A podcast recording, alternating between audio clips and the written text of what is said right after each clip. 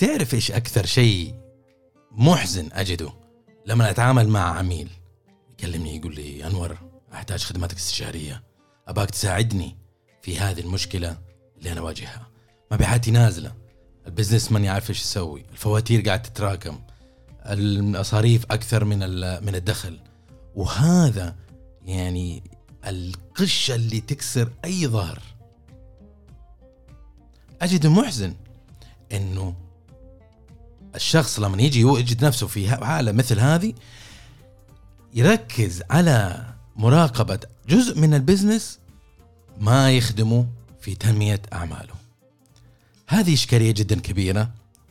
واليوم بنتكلم عن هل أنت بتراقب معايير الغير مهمة وتنسى المهمة. معكم أنور جنبي مقدم الحلقة مقدم بودكاست جنبيات من 2015 استشاري ومدرب في المبيعات ومؤلف كتاب فلسفتي في المبيعات واليوم بشارك معكم رؤيتي حول إيش الأشياء المهمة اللي عليك تركز فيها لتنمية أعمالك.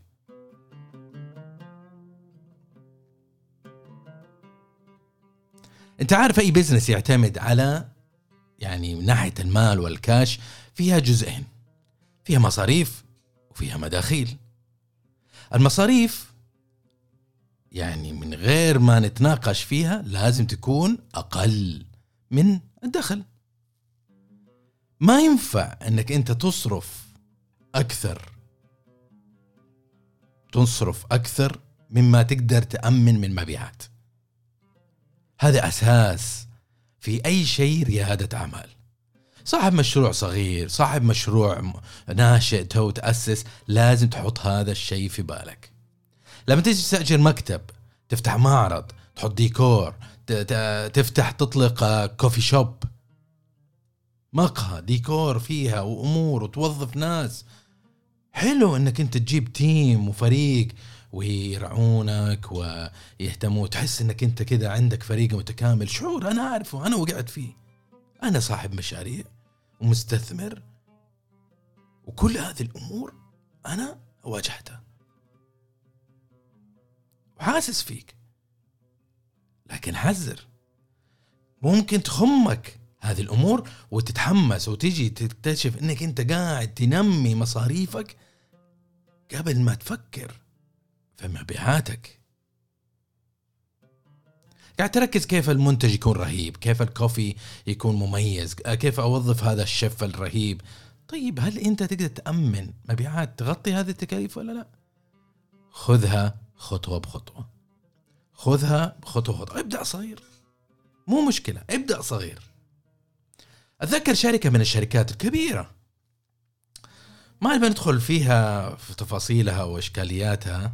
إشكالياتها يعني يعني متعددة لكن عندهم وجهة نظر إنه لما يجي يفتحوا مثلا هم معروفين إنهم يسوون مثلا خدمات ال landscaping خلينا نقول متخصصين في ال landscaping جاء قال لك والله بسوي خدمات صناعية. طيب ما في مشكلة سوي خدمه صناعية تبي تسوي diversity لل لل business حقك ال portfolio حقك وتنوع الدخل. أتفهمك؟ هذا شيء طبيعي وأنا أتفهمه. بالعكس أأيدك.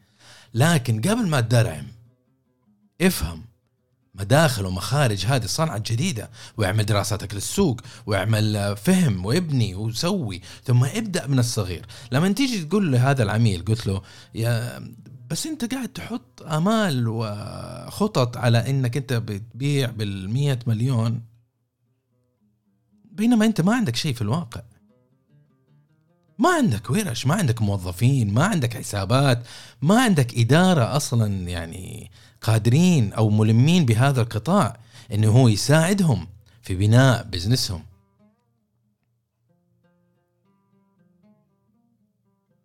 وهذه مشكلة يعني فادحة عليك إنك أنت عليهم هم وعلى أي رائد أعمال يركز عليها إنه ما يتحمس. لما جيت قلت لهم أنا يا أخي أنتم ما عندكم إشكالية؟ عندكم إشكالية كبيرة ما ما عندكم دخل. كيف حتأمن هذا كله؟ الأرقام حقتك كلها وهمية. قال لا بس إحنا ما نشتغل على على مليون ومليونين وخمس يا عمي أنت startup يقول لا أنا مو startup أنا من زمان في الشركة في في السعودية من زمان في السوق. من زمان السوق في قطاع معين في ال landscaping في الحدائق في الزراعة. بس ما أنت موجود في الصناعة. أحمد سعيد اللي شغال في ساسرف ما يعرفك. علي كلاي اللي موجود في سابك فهد فتو اللي موجود في أرامكو ما يعرفكم. كيف بيشتري منكم؟ كيف ي... إذا ما يعرفكم ما يثق فيك لازم أنت تبني علاقتك معه عشان توصل لدرجة الشراء. طبعا في البداية يبدأ معك شخص واحد بعدين يبدأ معك عشرة بعدين يبدأ عشرين بعدين يبدأ أربعين وكذا النمو يكون عضوي. نمو بزنس واقعي وحقيقي من غير يعني خربطيشن صح؟ وأنا داري إنك تتفق معي. بس ننسى إحنا هذه الأساسيات من فتره ثانية ننغمس وضغط الفواتير والآمال والاحلام والطموح. كلنا طموحين. أنا عارف هذا الشيء. كلنا نطمح وكلنا نبي نحقق وكلنا نبي نسوي. بس لازم ننتبه للأساسيات. لازم ننتبه للمهم. تكاليف مداخيل مصاريف مبيعات. هم؟ طبعا خلاف هذا المثال اللي أنا قلت لكم عليه حق ال landscaping يعني في عملاء كثيرين عندهم الاشكاليه هذه. عميل آخر موجود في منطقة الحدود الشمالية.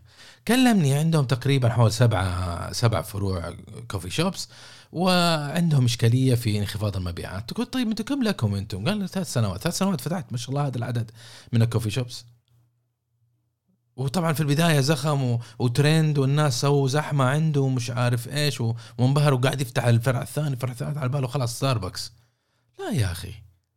ابدأ واحد اثنين واستمض اصمد وتعلم وظبط منتجك زود ضبط ال value proposition حقك آه، سمعتك ال brand. ابني علاقة. بحيث إنه لما تيجي تفتح فرع في مكان ثاني عملائك مضمونين. ناس عارفينك مو جايين يستكشفوا. أوه فرع جديد. هذا شفتوا فرعه في مكان فلاني؟ الحين هذا فرع, فرع هنا. خليني أشوف إيش الموضوع. جاء زارك مرة مرتين. خلاص راح حسابك. ما في شيء special وهذه إشكالية في الب... بال businesses اللي داخلين في ال red ocean المحيط الأحمر.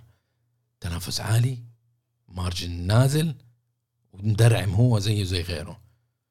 طيب أنت إذا بتدخل زي كذا ولا فالي بروبوزيشن ولا حد داري عنك معناته بتاخذ حصة من السوق معينة. حصة السوق من معينة هذه هل هي تكفي تغطي التكاليف؟ لأجل لا درعم تكشخ صح؟ طيب. اللعبة إذا خلينا نأكد إنه إحنا لازم نوزن لازم نوزن بين مصاريف. هذا وزي ما قلت لكم أنا مثل يعني مثل هذول الأشخاص ما بقول إنه أنا عبقري زماني. أنا ماني عبقري زماني. أنا لما جيت فتحت مشاريع ياما فتحت مشاريع وفشلت وفتحت مشاريع و- و- وصامدة و- و- ومشاريع ناجحة و- وأغلط بهذه الغلطة من وقت لآخر. يجيني المالية يركض. أستاذ انور ترى شو اسمه يعني دخل كذا مصاريف كذا طيب هل عندكم عقود؟ هل عندنا مش عارف إيش؟ في شيء حيجي ما أعرف عنه؟ كيف حنسدد؟ وأنا أجيك بجرأة ال- الريادي. أقول له لا تشيل هم. شبيك ولبيك البزنس أمور إحنا لازم نخاطر وإن شاء الله ندخل أمور. ونخاطر وندرعم ونطيح على وجهنا. هذه هي. وأنا اليوم أجيك أقول لك عن تجربة. العب صح. العب صح. وحتى المخاطر اللي تجازف فيها ال business فيها مخاطرة لكن خاطر ب level معين بحيث إنك ما تخرج على الأقل تخرج من المشروع ب إذا خسرت تخسر آه، استثمارك بس ما تطلع مديون ما تروح السجن.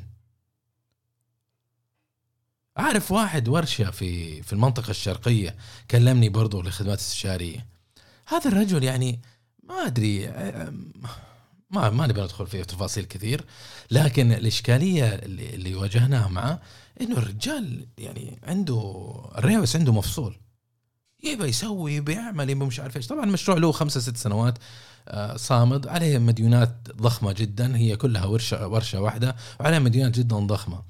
يعني أنا ما عندي مشكلة في العملاء اللي زي كذا لأنه أنا العميل إذا هو داري وفاهم وصامل وكل شيء ما حيحتاجني أنا يعني ما جاني اللي عنده مشكلة.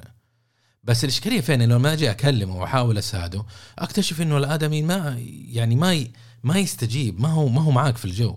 مصر على على إنه يمسك يستمر في دربه ويستمر في طريقته ونهجه اللي هو ماشي عليها. طيب إذا أنت ماسك في المواضيع كذا طيب كيف أساعدك أنا؟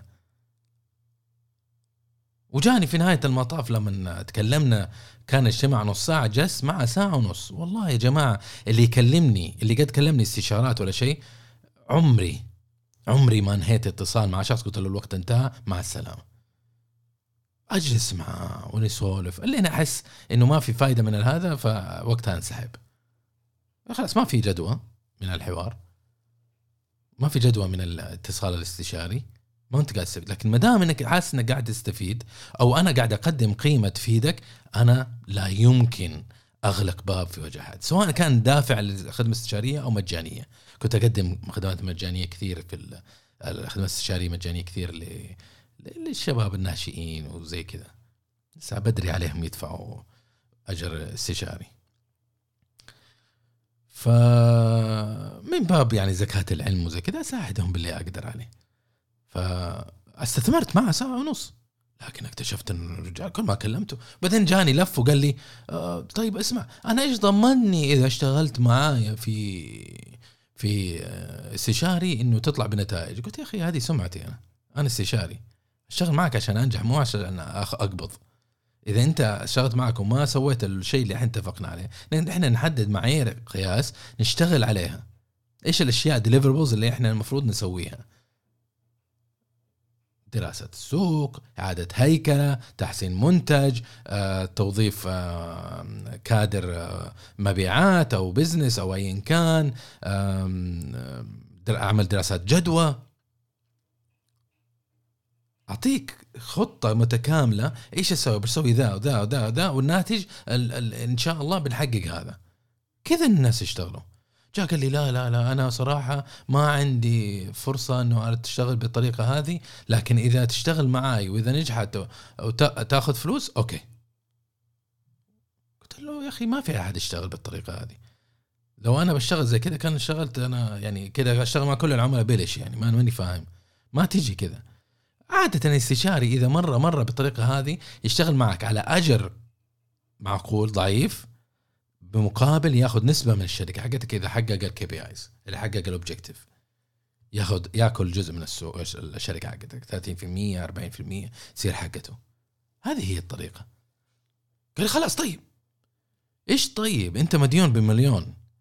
تباني أنا أملك في في كيان مليون إيش تبغاني أسوي لك أنا؟ مليون يعني أنا ما أدري إيش هذا اللي أنت قلت لي عليه مليون. أنا ما أدري إيش المديونات الثانية. يعني أجي أدخل معك في شراكه اخذ أخذ 30% أدخل السجن من ثاني يوم ما تجي. اصر إنه يبغى خدمات تسويقية ما خدمات تسويقية وجهت لواحد من الشباب أول حوار قاعد يتكلم معي يقول أنا كلمته أنور ومش عارف إيش وهو الظاهر إنه يعني ما هو ماني عارف حس إنه ما في فايدة مني ف لا أنت قلت مصر إنك تبى تسويق أنت ما تبى خدمات استشارية وحتى خدمات استشارية تباني أملك في شركتك ما تدفع لي أجر. فهنا في ال business سواء استشارات ولا مبيعات ولا ايا كان إذا حسيت إنه إنه العميل not qualified cut off اقطعه. خلاص توكل.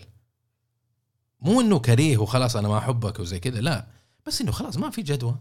ان العلاقه في transaction أعطيك value خدمة أعطيك service أعطيك معلومات أعطيك تجربة أعطيك مساعدة أحسن لك مع عملك أحسن لك business ك أدخلك السوق أتم تسجيلك مع في السوق ايا كان يعني الخدمات اللي أنا أقدمها. لكن إذا إنك أنت الموضوع مغاير وزي كذا وما في جدوى إنه أنا أشتغل معك الترانزاكشن مكسور أجل ما ما ليش ليش أستثمر أضيع وقتك ووقتي وجهدنا إحنا اثنين؟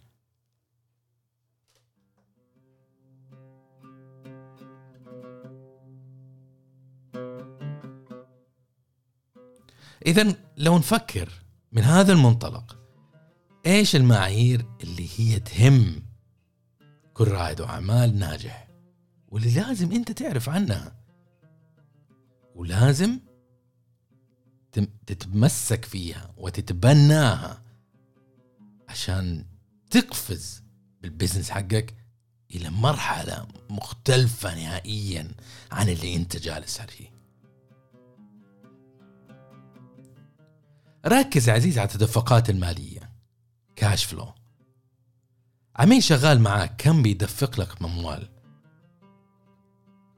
ذاك اليوم بتكلم مع في ال social media في منصة إكس اللي هي تويتر سابقا. وكان في نقاش كذا عابر وشاركت أنا وجهة نظري. ف يعني واحد قاعد يتشدق إنه عنده عدد من المتابعين ما شاء الله بالآلاف وكذا وهذا. فشاركته قلت له يا أخي في نظ... يعني مقولة أو نظرية أو وجهة نظر تقول إنه عشان تعرف إنه عدد المتابعين هل هو مفيد بالنسبة لك أو أنت ماشي صح ك business wise ولا لا لازم تحسب. هذه المنصة اللي أنت فيها فيها عشر آلاف متابع. معناته انت لازم تطلع بما يوازي قيمة يعني من هذا الحساب تولد بزنس ما يوازي دولار عن كل متابع. يعني عشر ألاف معناته عشر ألاف دولار. يعني سبعة وثلاثين ألف ريال. هل تطلع 37000 قال لا. قلت خلاص أجل أنت أمورك في البلش. لازم تشتغل لأن انت تعصرها كماركتينج كبزنس كفالي بروبوزيشن كابروتش كورك كعفوا كمتجر بعد انك توصل ل 37 هذه لعبتك. لازم توصل لهذا الدخل. قال لا العملاء ما هم صرافين. يا أخي قلت يا أخي أنا ما بقول هم صرافين. أنا ما بقول حتى إنك لازم تدخل من كل واحد يدفع لك دولار عن كل يوم. عن كل يوم. عفوا آه في الشهر دولار. يعني إيه في كل شهر. أنا بقول لك إنه مجمل مجمل. المفروض تدخله من هذا الاكس ولا اليوتيوب ولا لينكدين ولا تيك توك ولا انستغرام ولا whatever ولا فيسبوك عندك عدد ملايين؟ أوكي ممتاز. كم كم مفروض اسألني كم مفروض إنه أنا أ generate أولد business من هذه المنصة؟ أقول لك كم متابع عندك؟ 10000 اضربها في واحد. واحد دولار. هذه هي قيمة ال business المفروض تتولد. طب أنا أولد آه، مف... يعني على كلامك 10000 دولار. إيه. طب أنا أولد 50 ممتاز. طب أنا أولد خمسة. مصيبة. معناته مجهوداتك والزحمة اللي تسويها أنت ما لها فائده عليك تركز في هذا الشيء. إيش الفائده يكون عندك ناس حولك وما يشترون؟ من وجهة نظر ال business. معناته أنت قاعد تسوي awareness على ال brand حقك قاعد تقدم value لهم لكن ما أنت قاعد تقدم شيء كفاية حتى يتحولوا إلى مشترين. وكرائد أعمال وكصاحب مشروع أو كممثل مبيعات أو محترف مبيعات عليك إنك تنتبه من هذه النقطة. ما في فايدة إنه عندك قائمة من العملاء ما يشترون. نهائيا.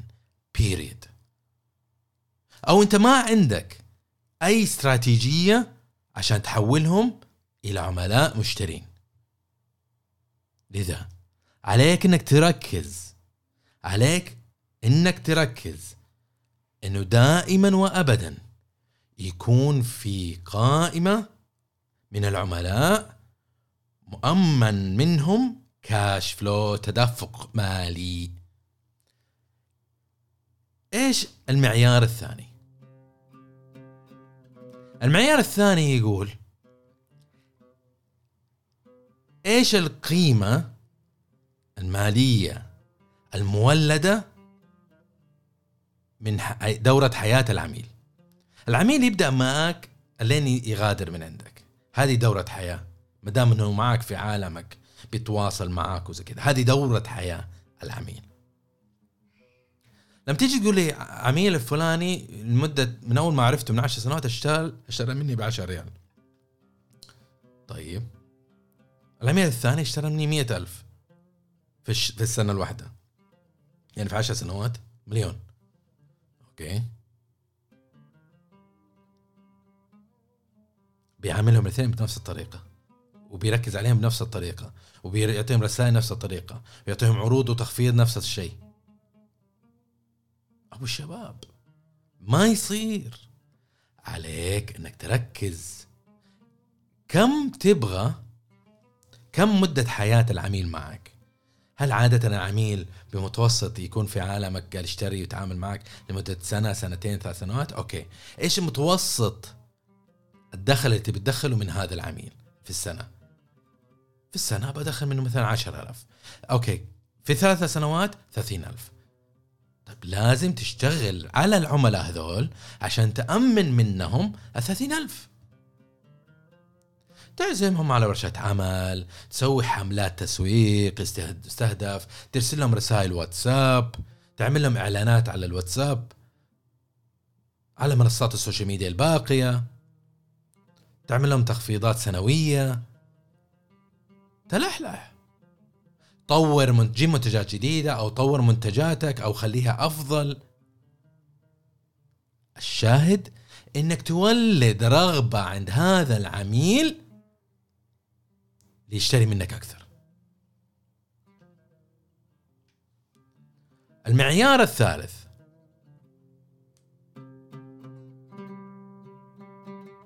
المعيار الثالث عزيزي هو تكلفة الاستحواذ على العميل. يجيك يعني المؤثرين في السوشيال ميديا وانتبهوا يا أخي للناس اللي يتكلموا. أنا ما مو قصدي أطعن في أحد. لكن يا عمي إحنا صراحة آه، في منصة في إنترنت. يعني أي واحد يمسك يفتح حساب مجاني ويتكلم زي ما يبغى. وياما من أيام الأسهم في التسعينات كان في ناس يقعد يقول لك أنا أنصح أنا أدفعوا لي فلوس عشان أعطيك توصيات. والناس زحمة عندهم اكتشفنا إنهم كانوا أطفال في المتوسطة. هذه قصة واقعية. تبى اثباتها دور في الإنترنت تلاقي في بودكاست أحد البودكاستات المعروفة. أستضاف واحد كان يقول إنه أنا كنت أجلس مجلس الوالد وأسمع منه علوم وأجي أكبها في الإنترنت وأخذ فلوس عليها. ها. أجي أكتشف واحد يقول لك أنا استشاري ما استشاري أجي أطالع في مؤهلاته. الرجال يعني الله يستر عليه عنده دبلوم إنجليزي ولا حاسب الي واحد مدرب مش عارف إيش عنده ثانوية.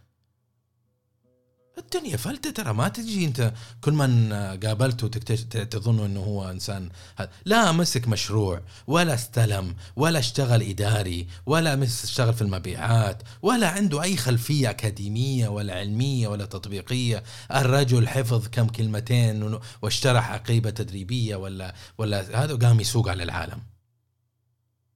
والسوشيال ميديا أسهل وأسهل العن والعن لأنه الرجال يجي يمسك لك هذا ويقول لك والله أبغى أبغى هذه وخلاص انتهى حل عني?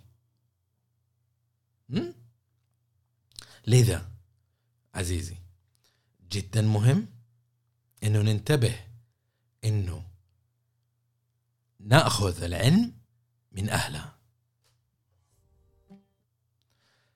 نأخذ العلم من اهلها ما ناخذه من أي أحد. عشان ما ناخذ معلومة خطأ ثم ندفع إحنا ال ال ال ال ال الإشكالية. ندفع إحنا الثمن. اتذكر في 2020 أيام هذا كان في واحد أحد المؤثرين رجال عنده يعني عنده زخم في حسابه الإنستغرام عنده كم كم 30 40 ألف متابع بعدين فجأة يعني هو أصلا مهندس بترول أصلا ما, له دخل في التسويق ولا شيء. وفجاه قال لك والله أنا إنسان في يوم وليلة في 2020 محبوس في البيت قال لك والله أنا بنزل دورات واشترى كم كتاب وترجمها وقال هذا سوى لك برامج تدريبية سوى لك براند سوى لك مش عارف إيش وقام يبيع. قفل يا عمي. فوق الخمسة مليون في في ثلاثة أربع أشهر. من متابعينه. عفارم عليه ترى يعني ما شاء الله. بس هل هو أهل أهل لها؟ لما جيت أنا اشتريتها كتجربة. اشتريت بر أحد برامجه. أبغى أشوف إيش إيش اللي عنده الناس مسوين زحمة عليه. اكتشفت إنه الرجال ما في قيمة ولا معرفة والموضوع مرة جنرال واطالع في ردود الناس. الناس كلهم يشتموا. هذا المعلومات خاصة. أنا ما أبغى بفلوسي وما أدري بس الرجال أخذ فلوس ومشى مشى وفتح شركة تسويق وراح باع شركة تسويق ل... ل... لأحد وعين نفسه كمدير عام والرجال معين خير. ورجع الحين ينزل دورات جديدة. وبرضه الناس يتراكموا. الناس يحبوا الترند يحبوا الإزعاج يحبوا يشوفوا فين الزحمه يجروا وراها. ولا تنسى ترى الإعلانات لها دور. التسويق لها دور. تنومك مغناطيسي فانتبه. وركز على إنك أنت تاخذ يعني تأمن أكبر قدر ممكن من المبيعات المستهدفة في رحلة حياة العميل. لذا المره الجايه لما تجي تركض خلف سراب وعود الحملات التسويقية اللي يقول لك كب فلوس تجيك فلوس. إي صح. بس هذا نظري. ما هي الواقعية مطلقة؟ كب فلوس يجي فلوس طيب وبعدين؟ ولا كان كلنا اشتركنا في في حسابات إعلانات مدفوعة والناس يجونك ما يجونك. يا ما نزلت إعلانات والله ما جاتني ولا ولا بيزة. فانتبهوا من النقطة هذه. وانتبه إنك أنت تركز على معايير ومقاييس معينة تسطع وتلمع ومزبركة كذا وتحس إن الموضوع تمام لكن تجعلك هي فعليا إنك تنسى إنك تبني علاقاتك مع عملائك إنك أنت تقدم قيمة مميزة للسوق. إنك تعمل علاقات متميزة وأصيلة مع عملائك وإنك تتابع البيانات والمعايير المهمة. بدون التركيز على هذه الأمور أنت بس قاعد تركض في صحراء وأنت ظمآن وبدون هدف. تأكد انه التدفقات المالية تكون مأمنة وتغطي تكاليفك دوما وابدا وإذا كان في عدم توازن عليك إنك تعمل تصحيح. يا تزيد الدخل يا إنك تقلل التكاليف. واحدة منهم. وفوق هذا كله تذكر إنه سراب التسويق خادع. وعليك تركز على خريطة متكاملة تأخذك إلى واحة النجاح بإذن الله.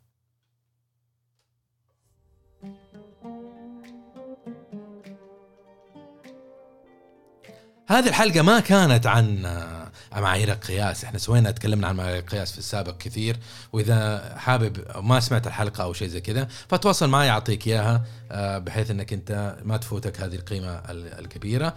لكن أنا أبغى أقول لك عليه إنه هذه حلقة هي إن عاب أنبهكم إنكم ما تركضوا خلف سراب التسويق وخلف الوعود الكاذبة وخلف المؤثرين الغشاشين. انت رائد اعمال وراك مسؤوليات وراك موظفين وراك مصاريف. عليك تركز انه بزنسك دائما وابدا ناجح دائما وابدا مثمر دائما وابدا مستدام. ويبقى لك لسنوات ويعدي تلك الخمس سنوات الأولى الخطيرة لأنه 90% 80% من الأعمال تغلق في أول خمسة سنوات. وإياك إنه أنت تكون واحد من تلك المنظمات اللي تخسر كل ما أمامها ثم لا سمح الله تتعقد الأمور. إنت فتحت بزنس حتى تحسن حياتك. وليس لتنكب نفسك. عزيزي هذا اللي كان عندي حبيت أشاركه معك اليوم. آه، في الفترة القادمة أعمل الآن على إن شاء الله ترتيب مفاجأة جميلة ورائعة لكل رواد الأعمال اللي عندهم مشاريع صغيرة أو ناشئة أو مخطط لها. بشارك معهم مفاجأة جدا جدا جدا جميلة. حاول تسجل معي في القائمة البريدية. بتركها وسطها في وصف الحلقة. أبغاكم تسجلوا معي بحيث ما تفوتكم وقت التدشين وما حتأخر عليكم. ادعوا لي بالتوفيق. المشروع المفاجأة هذه حتتعبني كثير حتى ارتبها لكن تستاهلونها. تستاهلونها. هذا اللي كان عندي. يعطيكم العافية ونراكم في الحلقة القادمة. وفي أمان الله.